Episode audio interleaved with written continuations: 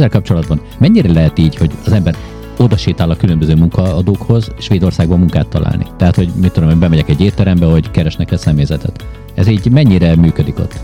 Érdekes módon párom is, és én is így találtuk így az első hosszú távú munkánkat itt.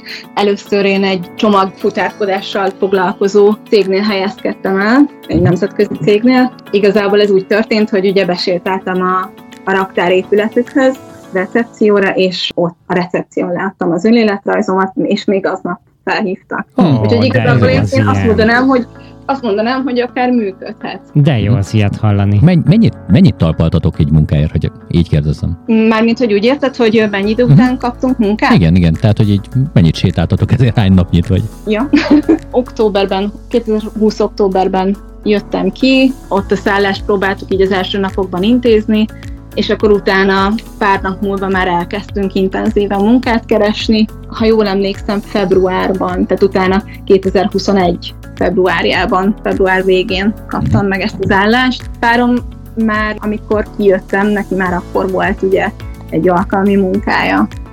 Tehát ugye épületek tetejéről takarította a havat, utána volt neki éttermi munkája is, és csomagfutár is volt. Jól fizetett ez a épületet? Ez elég veszélyes, nem? Úgy azért igen, éppen. igen, igen, ez elég kellemetlen volt, úgyhogy hát nem annyira fizetett jól, ez, ez volt az egyetlen lehetőség. Megragadta. Aha, tök jó, oké. Okay.